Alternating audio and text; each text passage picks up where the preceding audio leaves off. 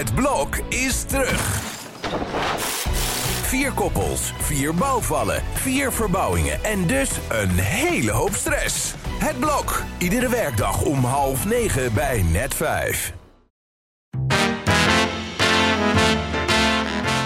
Dit is Strik Privé, de dagelijkse showbiz-update met Evert Zandgoeds en Jordi Versteegde.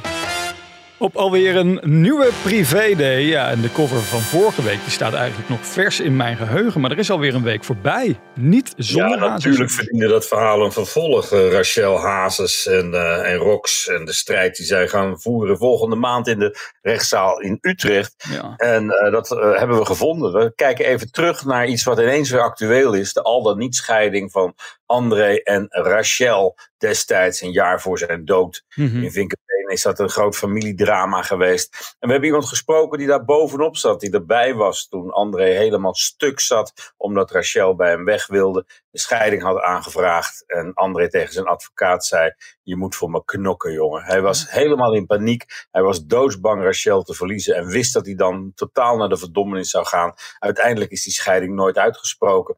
Maar is het wel een, een, een, een essentieel onderdeel van, eh, van die zaak die je volgende maand dient. ja, en is Rachel ook weer echt voor André gaan zorgen uiteindelijk, hè?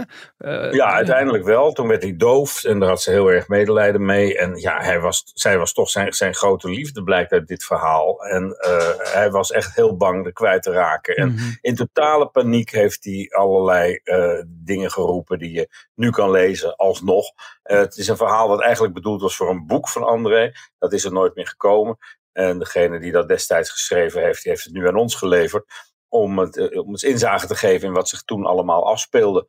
eh, tussen de, de beroemde docu die er was, weet je? Ja, ja. En het overlijden van André. Want ja, dat is toch, toch, toch de trieste afloop. Ja. Hoewel hij er eigenlijk wel teruggevonden lijkt te hebben. eh, overleed hij vrij snel daarna. Ja, ik vind het eh, nou, indrukwekkend, emotioneel bijna om te lezen hoe André er doorheen zat. Dat dus eh, in de privé. En we maken ons ondertussen op natuurlijk voor 9 februari. Voor eh, dat kort geding tussen Roxanne en Rachel. Heel benieuwd hoe dat gaat eindigen. Ja, een andere datum die we inmiddels in onze agenda kunnen zetten is 16 maart. Want dan Ja. gaat Danny de Munk naar de Parnassusweg. Ja, en hij wil dat het allemaal open en bloot gaat gebeuren. Het getuigenverhoor van de vrouw die hem aanklaagde voor verkrachting. Ja. En eh, ja, er is natuurlijk eh, Danny heel veel aan gelegen.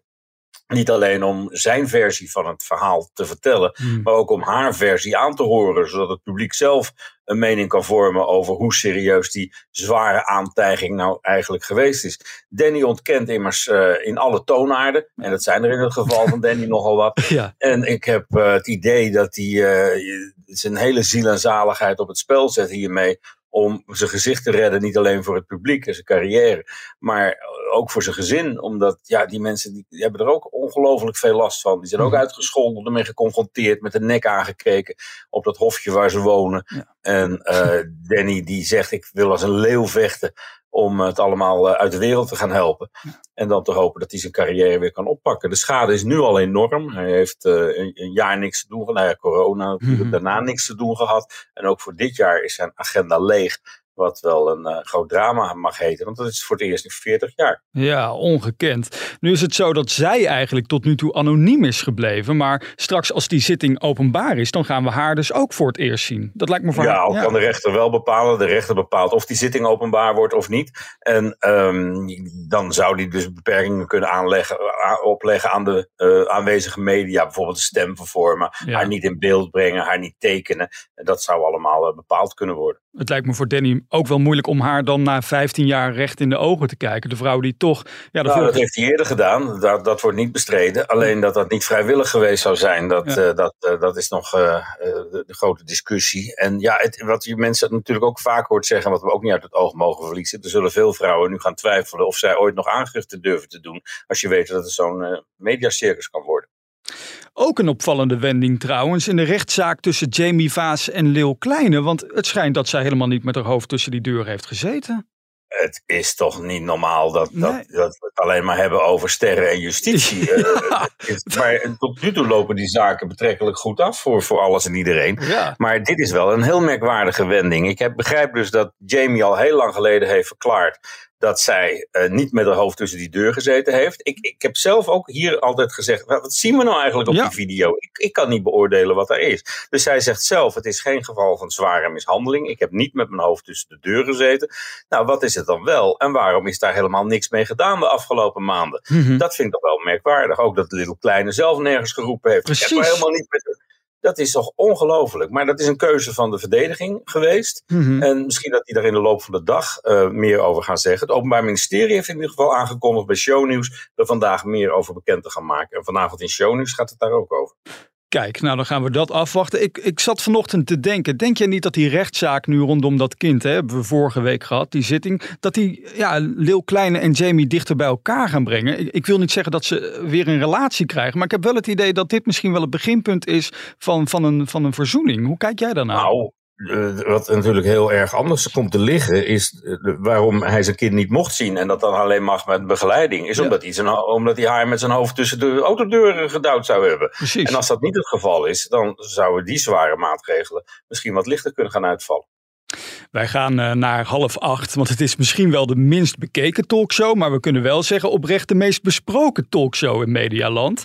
En nu is de vraag, gaat dat programma nou wel door of niet door? Want er gaan allemaal geruchten nou, Ja, de terugkeer van, van Johnny afgelopen vrijdag bij ons aangekondigd toen, die heeft natuurlijk wel een impuls gegeven aan de kijkcijfers. We weten vrijdag of dat eenmalig was of dat die trend doorzet. Ja. En daar zal veel van afhangen. Johnny zelf zei van, nou ja, we gaan met z'n allen de schouders eronder zetten en er alsnog het grote succes van te maken wat ik mezelf uh, gegund had. Ja. En uh, wat ik begrijp is dat het dan vanaf september niet meer in de schema's zou staan. Maar ja, schema's veranderen wel. Het staat er nu wel in tot het hele voorjaar ja. in ieder geval. Dus ik geloof dat tot eind april gaan ze zeker door. En dan zal het inderdaad afhangen van de cijfers tot dat moment of het programma blijft bestaan of niet. Het, ik moet zeggen dat het, het alle kansen heeft gekregen de afgelopen tijd. Ja. Ook toen Johnny het liet afweten en uh, Helene Hendricks onder andere het programma overeind hield dat, uh, ja, dat, dat, dat, uh, het heeft alle kansen gehad. En als Ja. het dan nog niet slaagt, dan moeten ze misschien eens gaan uitkijken naar iets anders. Er zou sprake zijn van een nieuwe datingshow. Ja, je weet, ik ben groot fan van uh, Lang Leven de Liefde. Ja,